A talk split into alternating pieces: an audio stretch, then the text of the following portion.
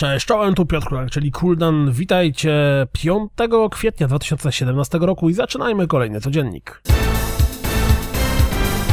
Oto premierowy zwiastun LEGO City Undercover. Zamierzacie zagrać? Pierwsze DLC do Dead Rising 4 przywitało się z nami zwiastunem. Tak się zastanawiam, czy to przypadkiem nie jest spoiler do podstawki gry? Pojawił się zwiastun Żetomero Hero of the Universe. Bardzo dziwny gry z interesującą szatą graficzną. Ale cholera wie na czym będzie polegała rozgrywka.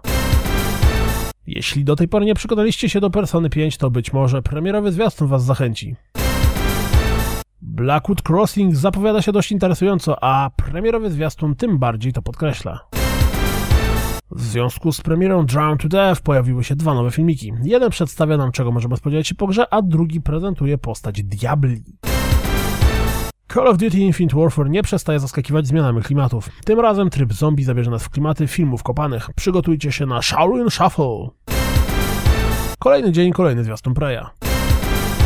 Tym razem nie przedstawią nam żadnej postaci, a po prostu pooglądamy trochę czystej rozgrywki w Quake Champions. Jeśli interesujecie się, co znajdzie się w najbliższym patchu do Mass Effect Andromeda, to sprawdźcie ten wpis albo tę listę poprawek. 11 kwietnia do Overwatch zostanie dodana nowa zawartość. Pytanie jaka? CD Projekt zastrzegł prawa do znaku towarowego Cyberpunk. Peter Molyneux z Nori udzielił kolejnego wywiadu, tym razem z interesującą historią o wysyłaniu maili po pijaku.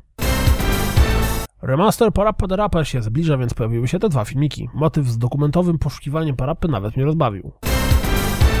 Nowa mapka do multiplayera w Uncharted 4 wygląda następująco.